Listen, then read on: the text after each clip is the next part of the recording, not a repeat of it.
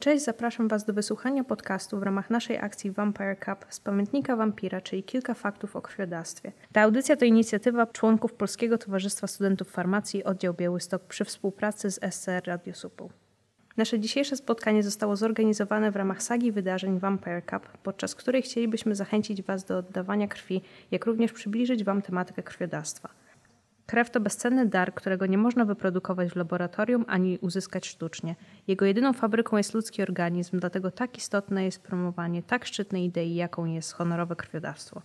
Ja nazywam się Kasia Zolnik i moim gościem dziś jest pani doktor habilitowana Wioletta Ratajczak-Wrona z Zakładu Immunologii Uniwersytetu Medycznego w Białymstoku. Dzień dobry pani docent, serdecznie dziękuję za przyjęcie naszego zaproszenia. Dzień dobry, ja również dziękuję za zaproszenie. Naszą rozmowę zacznijmy od nakreślenia wartości krwi. Dlaczego uważa się, że krew jest tak bardzo cenna? Czy naprawdę nie można znaleźć żadnych substytutów, które pełniłyby jej funkcję, nawet pomimo tak zaawansowanych technologii laboratoryjnych, które posiadamy obecnie? Może zaczniemy najpierw od tego, jak e, krew, jaką rolę pełni krew. Tak? Przede wszystkim dostarcza tlen do komórek e, i tkanek jak również e, składniki odżywcze. E, druga kwestia zabiera dwutlenek węgla z komórek i tkanek i szkodliwe produkty. E, bierze udział w utrzymaniu równowagi kwasowo-zasadowej i wodnej. Jak również istotną rolę odgrywa tutaj w systemie system odpornościowy komórek, które się znajdują. I może taka troszeczkę statystyka, że na świecie ogół te preparaty krwi, jak również wszelkie składniki są niezbędne do wszelkiego rodzaju zabiegów. Szacuje się, że e, rocznie jest e, e, około 80 milionów transfuzji. W Polsce od 2 do 3 miliona transfuzji. I co jest istotne, zapotrzebowanie na krew jest cały czas potrzebne i nawet zabieg na otwartym sercu wymaga około 30 jednostek. I wszystko jest dobrze do momentu, aż mamy, y, mamy krew. Kiedy y, krew się kończy konkretnej grupy krwi, y, czekamy na dawcę. No i w związku z tym na całym świecie wszyscy naukowcy szukają takich preparatów, stworzenia tak zwanej tej sztucznej krwi, która by mm, dostarczała krew do tlen do, e, do tkanek. Niestety mm, uzyskanie takiego preparatu e, musi spełniać następujące cechy. Musi być on e, przeznaczony najlepiej dla wszystkich grup krwi. Musi być nieszkodliwy dla organizmu. Kolejne musi mieć właściwości fizykochemiczne zbliżone do ludzkiej krwi. Niski koszt produkcji i stosowania i przede wszystkim bezpieczeństwa pod względem przeniesienia chorób zakaźnych. I te wszystkie cechy powodują, że y, to jest tak trudne uzyskanie takiego preparatu. Są badania, co jakiś czas słyszymy, że e, są na przykład preparaty z polimeryzowanej hemoglobiny. I e, o tyle jest e, kwestia, że ona, ten, ten preparat bardzo krótko utrzymuje się w organizmie i powoduje to, że ma ograniczone stosowanie. Najczęściej, jeżeli już będzie stosowany, to no, ewentualnie do e, zatrzymania obfitych krwawień. E, tu są, są, badania w tym kierunku, żeby na przykład jak mamy wypadek e, komunikacyjny, tak żeby tego, tego rannego jak najszybciej dostarczyć do, do szpitala. Natomiast na tą chwilę nie ma E, takiego preparatu, który by spełniał te wszystkie cechy. Czyli to znaczy, że w wielu przypadkach krwiodawstwo tak naprawdę jest jedynym sposobem na uratowanie życia człowieka? Tak, tak.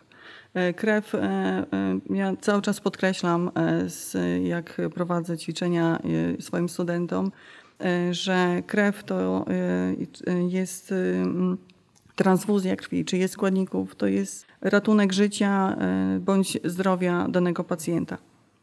W takim razie skupmy się właśnie na temacie krwiodawstwa. Pani docent, wiele osób zastanawia się, czym różni się pobranie krwi do rutynowych badań od pobrania krwi na poczet krwiodawstwa. Przede wszystkim e, takie zwykłe pobranie wiąże się z tym, że oddajemy kilka do kilkunastu mililitrów krwi. Natomiast e, oddanie krwi na poczet krwiodawstwa wiąże się przede wszystkim z ilością.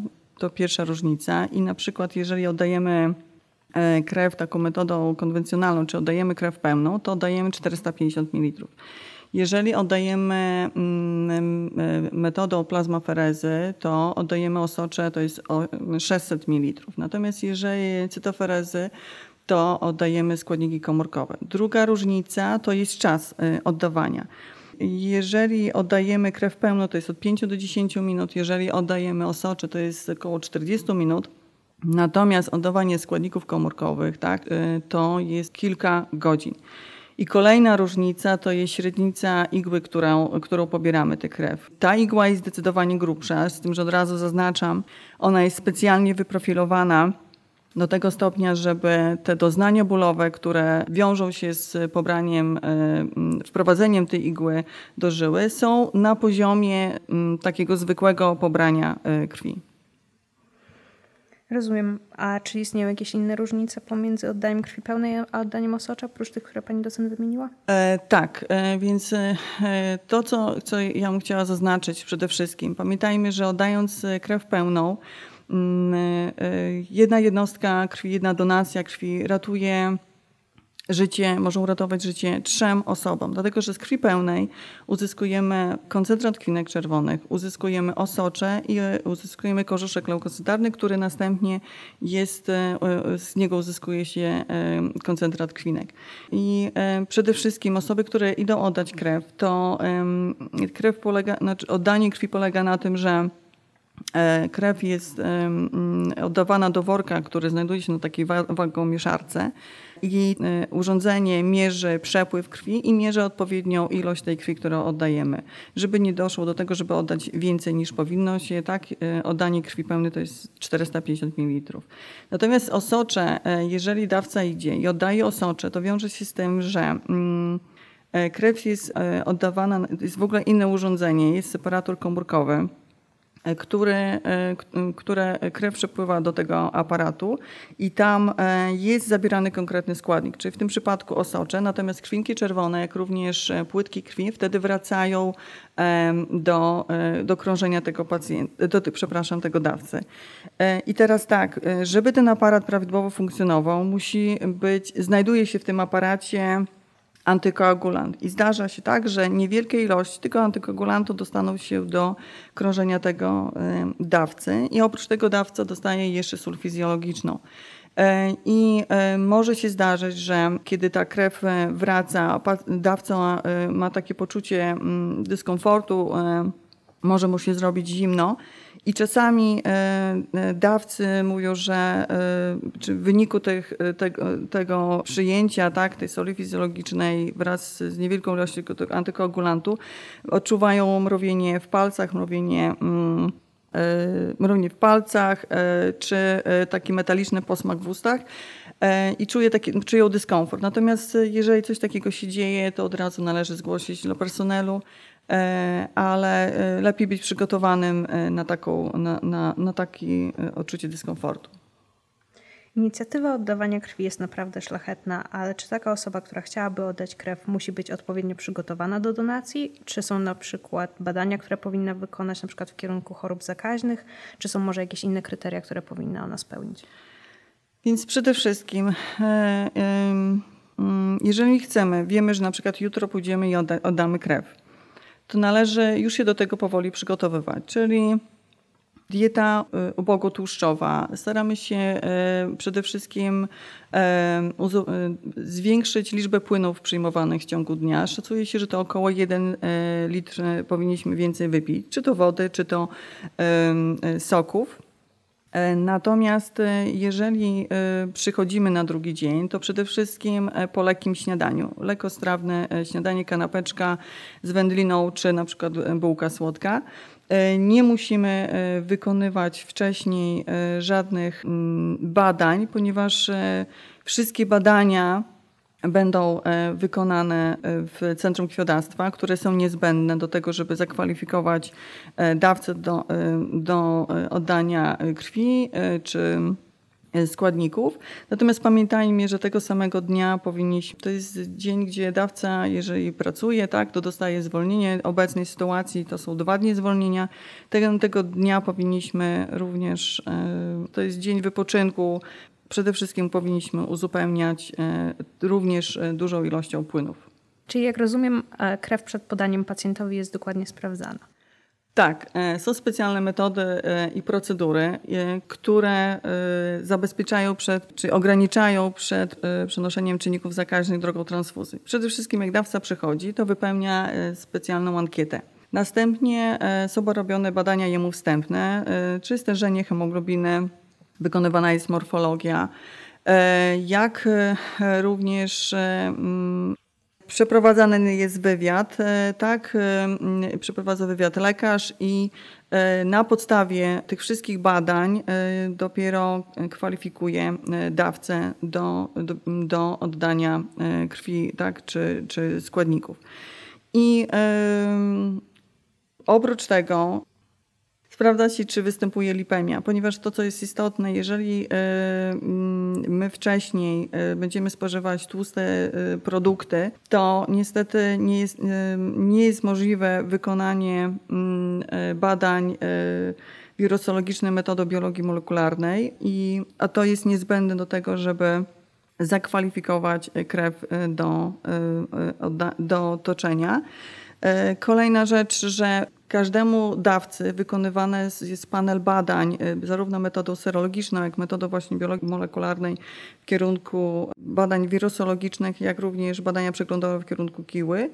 I oprócz tego, jeżeli te wszystkie badania y, są odpowiednie te wyniki ma, mają, to e, jest jeszcze ocena makroskopowa tego preparatu. Czy na przykład nie ma zmiany koloru e, koncentratu kwinek czerwonych, czy nie ma hemolizy, czy na przykład e, płytki, bo pobieramy również płytki, tak, i czy, czy, czy koncentrat leukocytarny, tak, czy, czy te wszystkie preparaty spełniają odpowiednie normy. Oprócz tego specjalnie jest drukowana etykieta, na której jest, podpis osób, które robią to kwalifikacje.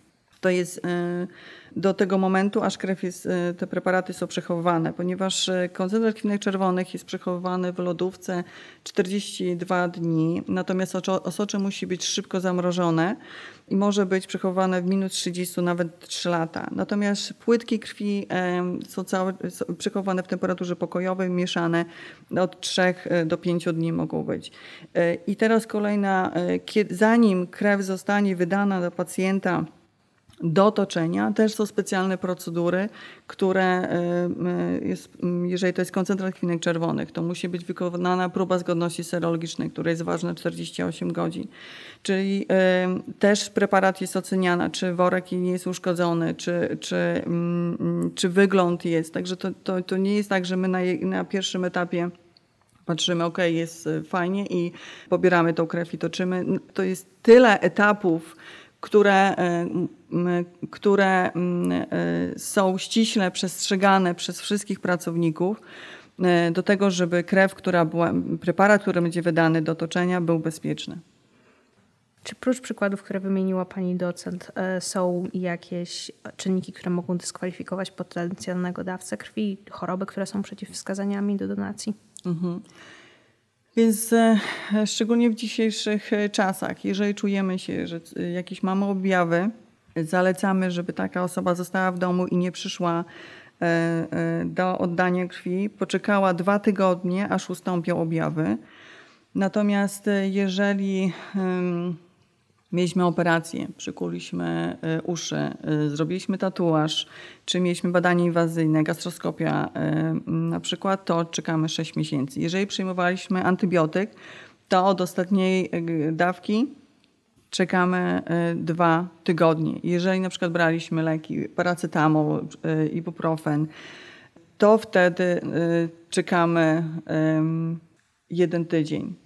E, natomiast jeśli chodzi o dyskwalifikację stała, to jest wtedy, kiedy mm, y, mamy do czynienia z chorobami e, serca, tarczycy, y, występuje astma, choroby onkologiczne, przebyta żółtaczka.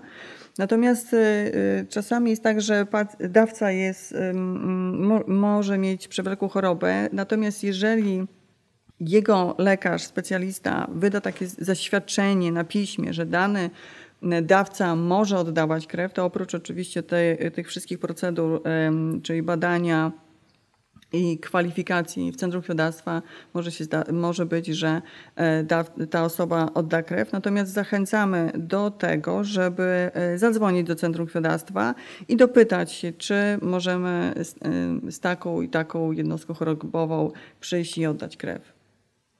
Czy stosowane popularnego ostatnio leczenia pochodnymi retinoidów jest przeciwwskazaniem do oddania krwi? Jeżeli tak, to jaki czas powinniśmy odczekać po zakończeniu kuracji? Tak, jest przeciwwskazaniem i powinniśmy odczekać dwa lata od zakończenia kuracji. Czego powinniśmy unikać, chcąc oddać krew? Czy może są jakieś suplementy diety, których, z których powinniśmy zrezygnować? Nie ma. Nie ma, e, nie ma takich danych i uważa się, że przyjmowane suplementy mm, nie są przeciwwskazaniem do oddawania krwi, z tym, że zachęcam, e, jeżeli coś przyjmujemy, to zawsze powiadomić, e, poinformować lekarza. Jak długo przed oddaniem krwi nie powinniśmy spożywać alkoholu oraz czy po oddaniu krwi powinniśmy unikać jego spożycia, a jeśli tak, to przez jaki czas? Więc tak, należy unikać spożywania alkoholu, szczególnie w dniu poprzedzającym e, e, oddawanie donacji. Pamiętajmy, że po oddaniu krwi e, nasz organizm jest bardzo osłabiony, więc swoje możliwości powinniśmy podzielić na pół. I jeżeli już planujemy, czy chcemy spożywać, to powinniśmy wcześniej dobrze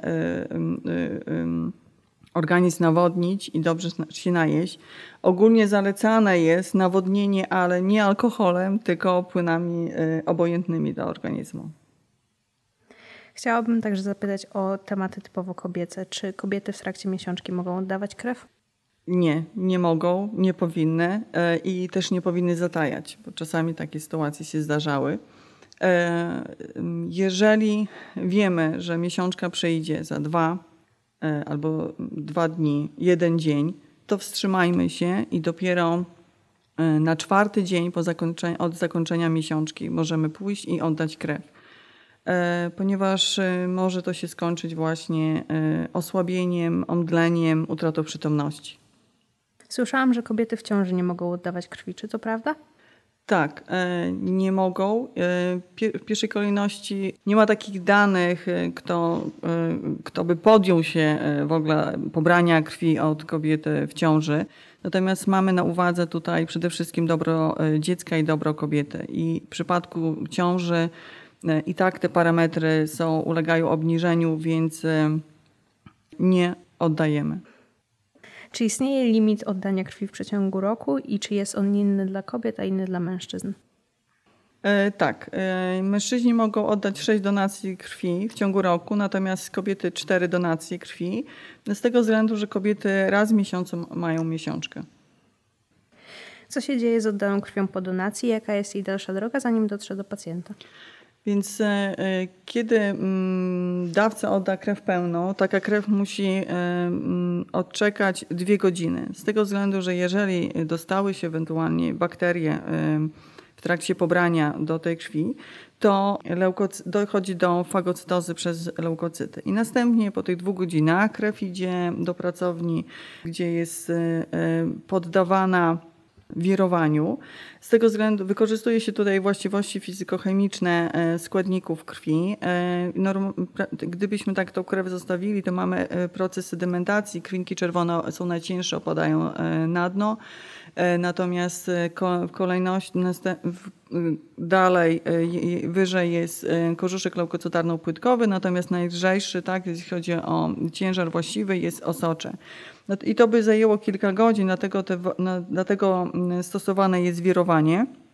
I przy, odbywa się to wszystko w systemie zamkniętym za pomocą odpowiedniej aparatury. Uzyskiwane jest z tego worka po odwirowaniu koncentrat krwinek czerwonych, osocze i następnie mm, koncentrat y, leukocytarno-płytkowy, z których się właśnie uzyskuje y, płytki. E, czyli mamy trzy worki. E, osocze jest e, zamrażane, koncentrat krwinek czerwonych jest przechowywany w lodówce, natomiast e, płytki w temperaturze pokojowej.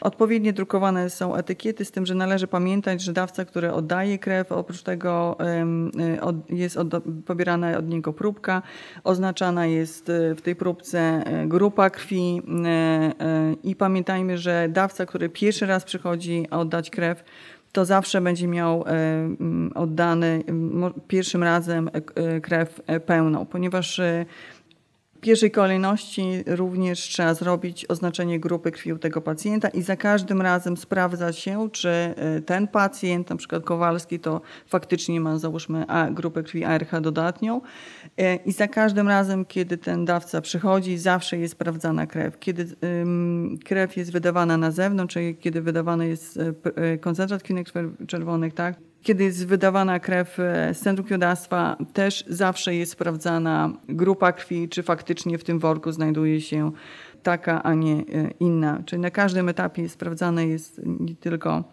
jak wygląda ta krew, ale czy faktycznie nie doszło do e, ewentualnych e, pomyłki. Nie ukrywajmy, że obecna sytuacja epidemiologiczna na świecie jest dość ciężka i zmienia wiele aspektów naszego życia. Stąd też wynika moje kolejne pytanie: co może się stać, jeżeli ktoś zarażony koronawirusem odda krew, a jeszcze o tym nie wie? Więc jeżeli e, okaże się, że e, ktoś się dowie tak, że jest e, zarażony, to bardzo prosimy, żeby jak najszybciej taka osoba zadzwoniła do Centrum Krwiodawstwa i poinformowała. Wtedy taka krew zostanie zastrzeżona. Z drugiej strony mm, nie są nam znane doniesienia, aby koronawirusy przenosiły się drogą transfuzji. Zostało to zbadane na, przy SARS i MERS. Te koronawirusy e, nie przenosiły drogą e, transfuzji i do tej pory nie ma doniesienia, żeby poprzez transfuzję ktoś się wirusem zaraził. Czy szczepienie na koronawirusa może nas wykluczyć z oddawania krwi?